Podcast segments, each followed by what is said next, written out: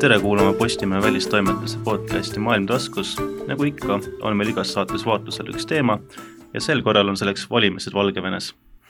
selle jaoks oleme palunud stuudiosse poliitanalüütiku Kormo Tüüri, mina olen saatejuht Margus Parts. Valgevenes on tekkinud kummaline olukord, kus president Aleksandr Lukašenko vastasel opositsioonil on võimalus võita üheksanda augusti presidendivalimised, hoolimata sellest, et kõigil algsetel kandidaatidel on keelatud valimistel osaleda kandidaatide registreerimisel pretsedenditud nelisada kuuskümmend tuhat toetusallkirja kogunud ekspankur Viktor Babaruka on koos pojaga vahistatud, süüdistatuna maksupettuses ja tema juhitud Belgazprom pank on võimude poolt üle võetud. sada kuuskümmend tuhat allkirja kogunud Valeri Tsepkalal ei lubatud nimekirja pääseda, sest valimiskomisjoni sõnul olid vaid umbes seitsekümmend viis tuhat tema allkirjast legitiimsed. Tsepkala põgenes paar päeva tagasi lastega riigist kartes poliitiliselt motiveeritud vahistamist. tuntud videoblogija Sergei Tsihhanovski vahistati pärast seda, kui ta teatas presidendiks kandideerimisest. Tsihhanovski oli korraldanud üle riigi meeleavaldusi Lukašenka vastu ja ühel neist korraldatud sabotaaži käigus võeti ta kinni süüdistatuna korrakaitse ründamises väidetavalt leiti Tsihhanovski diivani vahelt ka miljon dollarit, mille osas on võimud väitnud, et see on pärit Kremli taskust. Nüüd ongi tekkinud olukord, kus ainsa opositsioonikandidaadina lubatakse üheksanda augusti valimistel kandideerida Tsihhanovski abikaasal Svetlana Tsihhanovskajal, kelle selja taha on nüüd koondunud Babaruka ja Tšapkala kampaaniad. nüüd arvestades seda, et kuuendaks ametiajaks kandideeriv Aleksandr Lukašenka toetus on mitteametlike küsitluste kohaselt kuskil kahekümne ühe protsendi kandis, võib-olla isegi vähem, räägitakse ka kolmest protsendist, aga noh, me ei tea seda, eks ole, siis kas teoreetiliselt on võimalik et praegu enneolematult populaarne opositsioon, mis on koondunud Tsihhanovskaja selja taha, võiks valimised võita? no ennem kui rääkida eh, isikutest, et eh, prooviks natukese niimoodi nagu tausta avada või sellist nagu põhimõttest rääkida. et eh, et on olemas selline metafoor, et eks nii-öelda raudne võim ja et, et praegu seal Valgevenes ongi selline raudne võim, mis hoiab kõike rusikas aga natukese lihtsustatult öeldes, raual võib olla kaks olekut, on teras ja malm. teras on tugev oma sellises nõtkuses ja paindlikkuses ja vastupidavuses.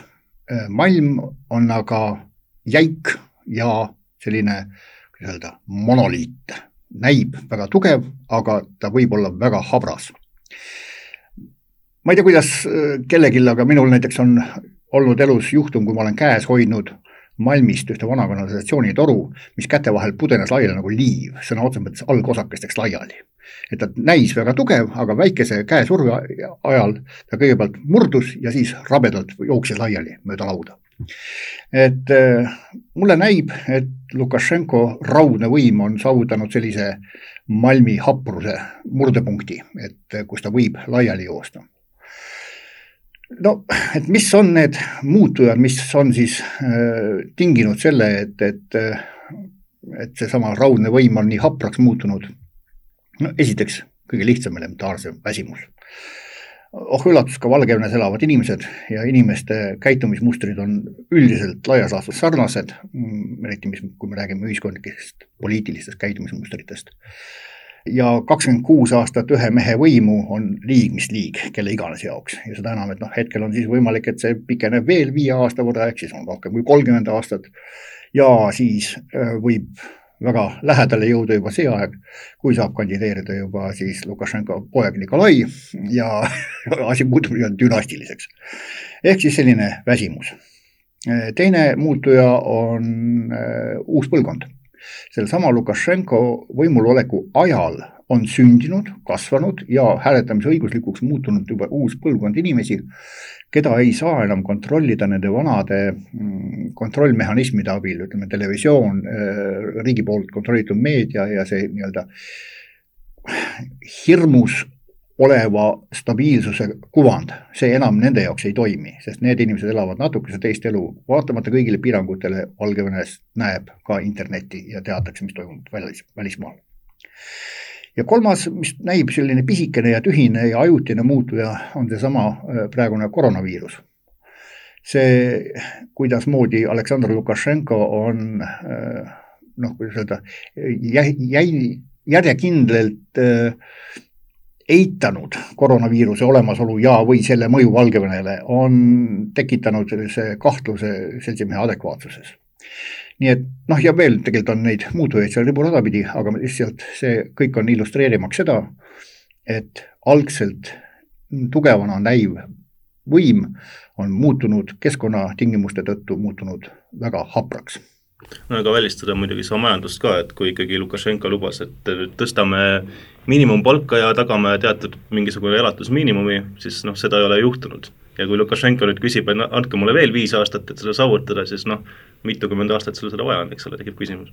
jah, aga noh, kõik saavad aru, et see, see on nii-öelda sekundaarne, küsimus ei ole eh, kodanike heaolu nimel töötamises, vaid lihtsalt personaalse võimu põlistamises. noh, ju, ju ta siis teab, et tal on midagi karta. No midagi karta tal ilmselt on, aga ütleme, praegu on kummaline olukord, sest noh, tõepoolest opositsioon ju ei ole kunagi nii populaarne olnud Valgevenes. teoreetiliselt ilmselt, kui toimuksid ausad valimised, vabad valimised, siis opositsioon võidaks. no vot, siin ongi see üks selline demokraatia paradoksidest, et tihtipeale ei võida mitte see, kes selle nimel väga pingutab, vaid võidab sellesama taustsüsteemi tõttu. Et kuna äh, rahva hulgas on valmisolek näha võimu juures keda iganes, noh piltlikult öeldes tabureti, ainult et mitte Lukašenkat, siis äh, mitte niivõrd ei ole mm, opositsioon populaarne selle tõttu, mida ta teeb või lubab, sest noh, eriti kui me võtame selle olukorra, kus praegu see Tšihhanovskaja, kes ise ei ole mitte mingil juhul opositsiooni liider, ta ei ole isegi mitte poliitik mitte, ta isegi ei taha olla poliitik ja, ja see on nüüd praegu loonud jah, siis selles mõttes väga kentsaka olukorra, kui siis nii-öelda koondfiguurina äh, valimistele minev Tšihhanovskaja on teatanud, et juhul, kui tema saab või, äh, valituks, siis ta ei hakka presidendiks, vaid ta korraldab kohe uued valimised ja tõenäoliselt seal juba siis võidab see ekspankur Babarika Eh, kes on tõepoolest rahva hulgas äärmiselt populaarne ja üleüldse mitte poliitilise tegevuse tõttu, vaid täiesti metsenaal, metsenaatluse tõttu. on asutanud näiteks ühe sellise mm, haigete laste abistamise fondi mis on tõepoolest väga palju ära teinud ja see on rahva hulgas väga populaarne. ta on eh, teinud väga palju kunsti, eh, kunstiväärtuste, riigist välja veetud kunstiväärtuste tagasitoomiseks loonud terved kunstigaleriid, kuhu on too-, toodud kokku need maalid ja raamatud ja kõik see, mis on varem riigist välja tassitud. nii et jällegi, eh, kas see Babarika ei võidaks mitte selle tõttu, et on opositsiooni liider ja ta hirmsasti pingutab selle nimel, et presidendiks saada, vaid ta tõenäoliselt üsna varmalt tõstetakse rahva poolt pjedestaalile kui alternatiiv Lukašenkale. nii et see on juhul, kui võidab opositsioon, siis ei ole mitte niivõrd opositsiooni teene, kuivõrd Lukašenko teene. aga lähme nüüd tagasi selle küsimuse juurde, et kas see on üldse realistlik, et opositsioon võiks võita, sest noh, me teame, et Lukašenka tagalaskus on igasugused kaardid, ta võib valimisi manipuleerida nii, nagu tahab, tulemusi lihtsalt kirjutada põhimõtteliselt noh, kuskilt laest, on ju. jah, jällegi, olud on muutunud. Kui varem Lukašenko kasutada oli see klassikaline Äh, klassikaline instrumentaarium, noh nagu igal võimukandjal, kes parasjagu on võimul, äh, et saada uuesti valituks, on tavaliselt kasutada kaks asja, piits ja präänik.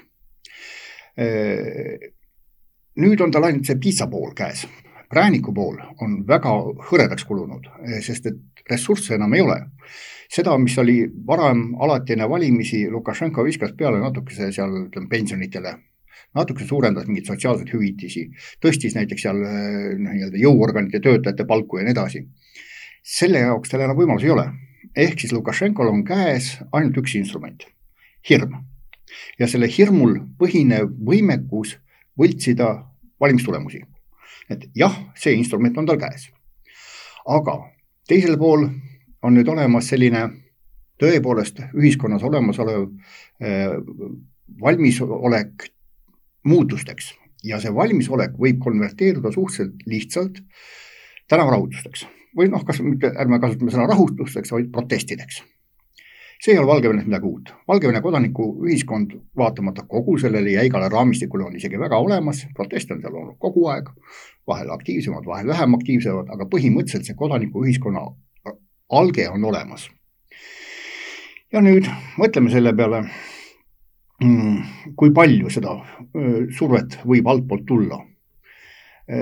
sotsioloogid on muuhulgas on uurinud sellist asja nagu protestide, mm, protestis osalevate inimeste arvukus ja siis edukus.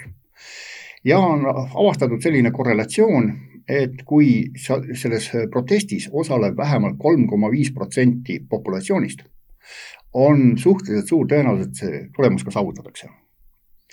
No Minsk, kahemiljoniline linn, see tähendaks umbes seitsekümmend tuhat inimest tänavatel. no võtame laiemalt, riik, umbes üheksa pool miljonit, eks ole, see tähendaks umbes kolmsada tuhat inimest tänavatel kuna alati pealinn on olulisem kui ülejäänud riik, siis võtame noh, nii enam-vähem sellise kiire, kirikese küla, et ütleme sada kuni sada viiskümmend tuhat inimest tänavatel võiks tuua selle, et ka võimukandjad saavad vabaks hirmust, et politsei ja, ja sõjavägi läheb üle rahva poolele või vähemalt ei allu enam korraldustele. kui me nüüd meenutame sellesama Babarõko häältesaaki, nelisada kuuskümmend tuhat allkirja ehk siis nelisada kuuskümmend tuhat inimest panid oma tegelikult oma sellise elu ja poliitilise karjääri mm, riski alla, kirjutades alla toetusele. Ja võtame sada kuuskümmend tuhat, eks ole, mis siis oli sellel Tsukalal, eh, siis me saame kokku juba kuussada tuhat. ehk siis see potentsiaal on täiesti olemas. ja kui see mass nüüd tõepoolest kas siis valimiste eel, ajal või tõenäolisemalt järel tuleb tänavatele, siis on see suhteliselt reaalne, et see poliitiline kapital akumuleerub juba valimisvõiduks ja, või siis vähemalt vaidlustamiseks. noh, ütleme, oletame, et Lukašenko vaidlu-, mätsib kõik niimoodi nagu vaja, ehk siis saab seal ütleme siis kuuskümmend protsenti, aga siis tekib rahva protestide najal samasugune olukord, noh nagu ütleme, oli Gruusias, nagu oli Armeenias, kus siis tõepoolest pidev ja, ja, ja mässlev rahvahulk tänavatel sundis need tulemused ümber vaatama. no eks noh, omaette küsimus on muidugi ka see, et äh, esiteks rahvas võib olla Lukašenka vastu juba praeguseks ja teine asi on see, et äh, kui palju üldse tegelikult võimud ise on presidendi poolt, sellepärast et ju siis võimustruktuurides tekib ka mingi tüdimus ja tekib, noh, kui me näeme, et tegelikult ju Babarõka, Šapkala, mõlemad on ju sügavalt võimudega seotud olnud mm -hmm. minevikus, enam mitte jah, no vot, siin on see asi, et ega meil, me selles mõttes me ei tea, millest me räägime, kuna äh, poliitilisi nii-öelda mõõtmistulemusi ei ole enam avaldatud Valgevenes neli aastat. Ehk siis reaalseid nii-öelda elektoraalseid reitinguid me ei tea. küll aga noh, punkt üks on teada see, et noh, need viimased usutavad valimised või tähendab uuringud, kaks tuhat kuusteist tehti ühe sõltumatu instituudi poolt, mis Valgevenes on ka täiesti olemas. ja, ja seal siis näitas selliseid arve, et sõltuvalt nüüd eliidi mm, grupist oli siis soov näha kedagi teist täiesti nimetult, lihtsalt kedagi teist, mitte Lukašenkot, võimu juures, sõltuvalt eliidigrupist kaheksakümmend kuni üheksakümmend protsenti ehk siis enamik eliidist tahaks näha kedagi teist. noh, alati on võimalus, et võib-olla nad lähevad tegelikult omavahel tülli ja nad ei leia seda ühtset kandidaati, aga igal juhul selline soov neli aastat tagasi juba oli. et seesama uurimus, tõsi küll, näitas seda, et noh, niimoodi ülerahvaline küsitlus näitas kolmkümmend viis protsenti Lukašenkale toetust. Aga jällegi, see oli neli aastat tagasi, olukord on muutunud, me ei tea tegelikult, mis on need parameetrid. aga jah, võib-olla kõige parem näide selle sama eliitide sisemise noh, kui absoluutselt igas poliitsüsteemis on alati neid inimesi, kes mõõdavad enda selga seda nii-öelda Marshalli rüüd ja mõtlevad, et hmm, aga miks mina ei võiks seda ressurssi kasutada, et ma võib-olla saaks paremini hakkama. Ja seesama, ütleme, Valeri Tsepkalo näide, kes oli noh, kasvõi see, et oli suursaadik USA-s, ta oli mm, Lukašenko meeskonnas, ka valimismeeskonnas, nii et noh, ka see juba näide, et sellised mehed on nõus astuma, kui mitte siis nüüd täiesti Lukašenko vastu, siis vähemalt noh, niimoodi alternatiivina ennast üles seadma. Et see näitab seda, et eliitide sees on lahknevus olemas ja, ja see ei ole ju mingi Valgevene eripära, vaid see on universaalne nähtus. no see hetkel tundub ikkagi natukene nagu selline Lukašenka paistab välja nagu Gaddafi viimasel ajal kuidagi või et noh, on näha, et mees on sein-, seljaga täiesti vastu seina, sest ta peab esiteks ju võitlema enda opositsiooni vastu ja teiselt poolt on tunne, et noh, Venemaalt tuleb järjest rohkem survet. Nüüd, mis on Lukašenka teinud, on see, et ta on hakanud kasutama Vene-vastast retoorikat. küll on blogija süüdi selles, et ta sai Kremlilt raha, on ju, et mis leiti tema diivani vahelt, väidetavalt siis miljon dollarit, küll on siis Babaruka süüdi mingisugustes mahhinatsioonides, noh, tema ju vahistati Belgazprom panki endise juhina, et millest selline sentiment siis?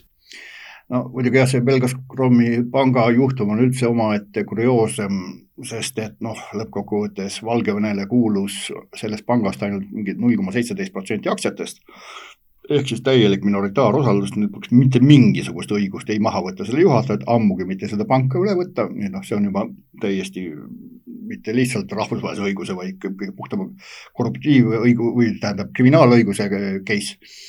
Ehk siis noh, pahatahtlik ülevõtmine aga, aga noh, see selleks. see, et see, mida Lukašenka teeb selle Vene vastasuse argumenti või, või retoorikat kasutades, on ühest küljest absoluutselt universaalne võte. välisvaenlasele osundamine on üks noh, absoluutselt kõige levinum võte üleüldse poliitretoorikas, mitte Valgevenes, vaid noh, globaalselt. alati süüdlane paikneb meist väljas ja eriti hea, kui see on veel niimoodi personifitseeritav ja, ja arusaadav, et mitte lihtsalt globaalne kapitalism või, või neli aastaaega.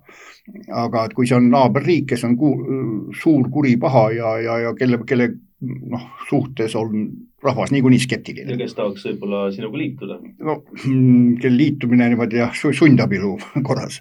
ehk siis see on universaalne äh, mõte ja teine on nüüd siis puhtalt Val-, Valgevene spetsiifiline äh, ja, ja võib-olla isegi ka Lukašenko spetsiifiline ele-, moment et äh, Lukašenka on ennast ammu, juba aastaid ja just tuleb tunnistada üsna edukalt Äh, üritanud positsioneerida kui Valgevene rahvuslast, kes on ainukene, kes suudab vastu seista sellele Moskva äh, ülbusele, arrogantsusele, ahnusele ja, ja üleüldse kõigele halvale, mis tuleb idast. nii et äh, selles mõttes puhttehnoloogiliselt, rääkimata sellest, kas see meeldib või ei meeldi, aga puht poliittehnoloogiliselt Lukašenko on valinud väga õige instrumendi enese mm, alternatiivituse tõestamiseks, et mina suudan Moskvat ohjeldada, aga keegi teine ei suuda.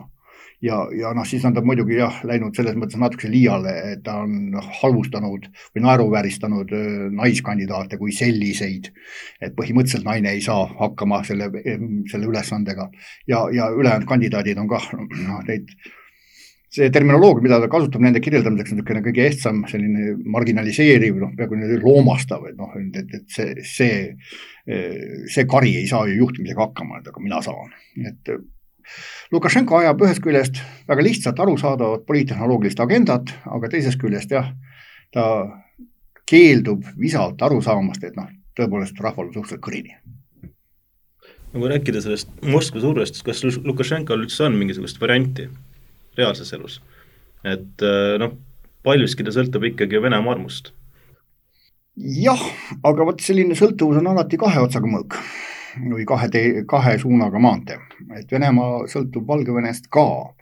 asi on selles, et äh, Venemaal no punkt üks on vaja mm, kuidagimoodi turundada enda äh, sellise ligitõmbavuse mudelit et seda legendi sellest, et Moskva on siiamaani atraktiivne või et Venemaa on äh, atraktiivne partner oma naabritele ja liitlastele.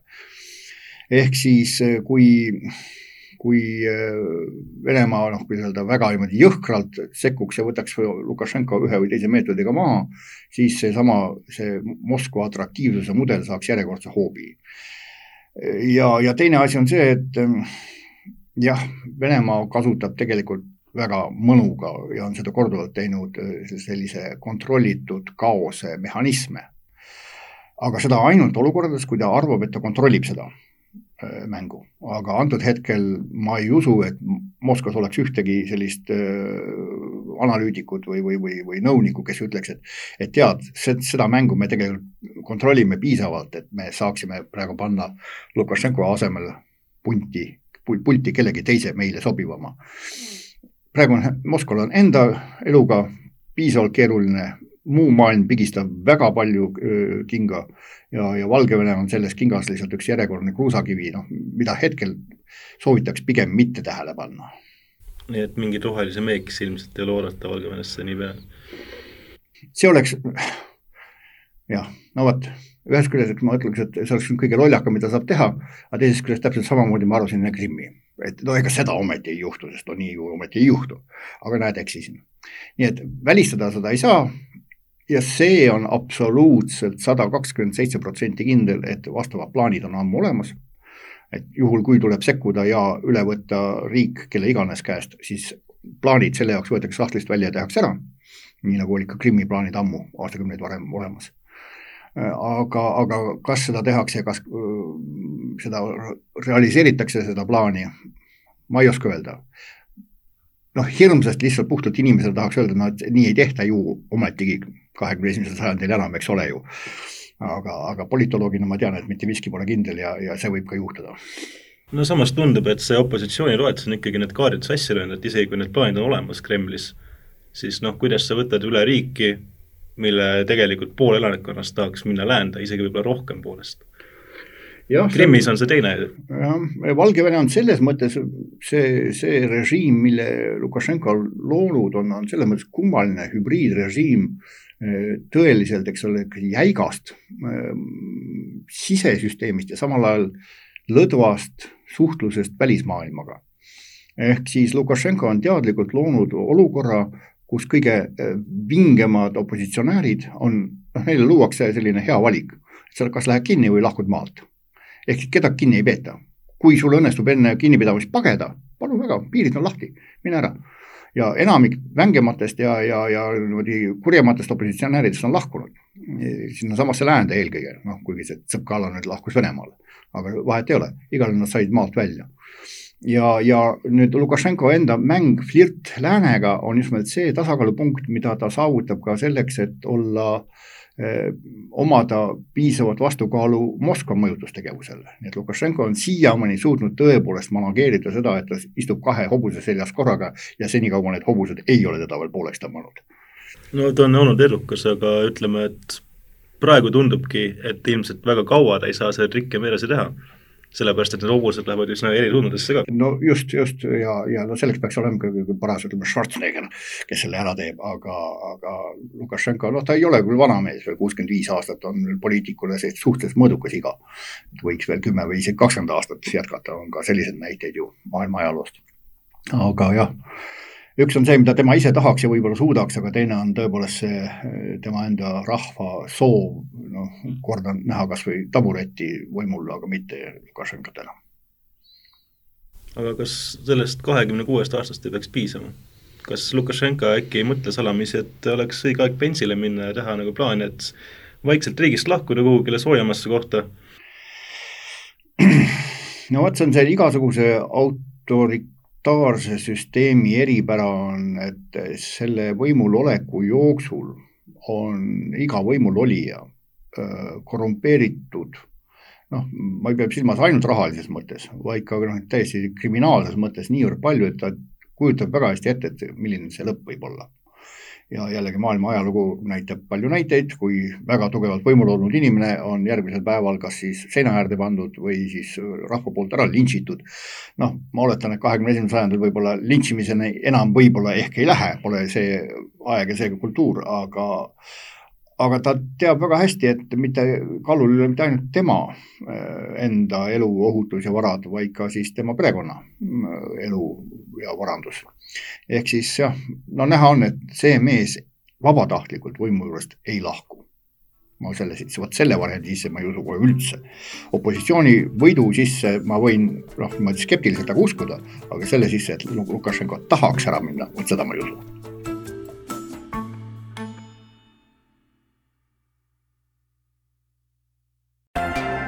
kogu saade on kuulatav Postimehe digipaketi tellijatele veebilehel podcast.postimees.ee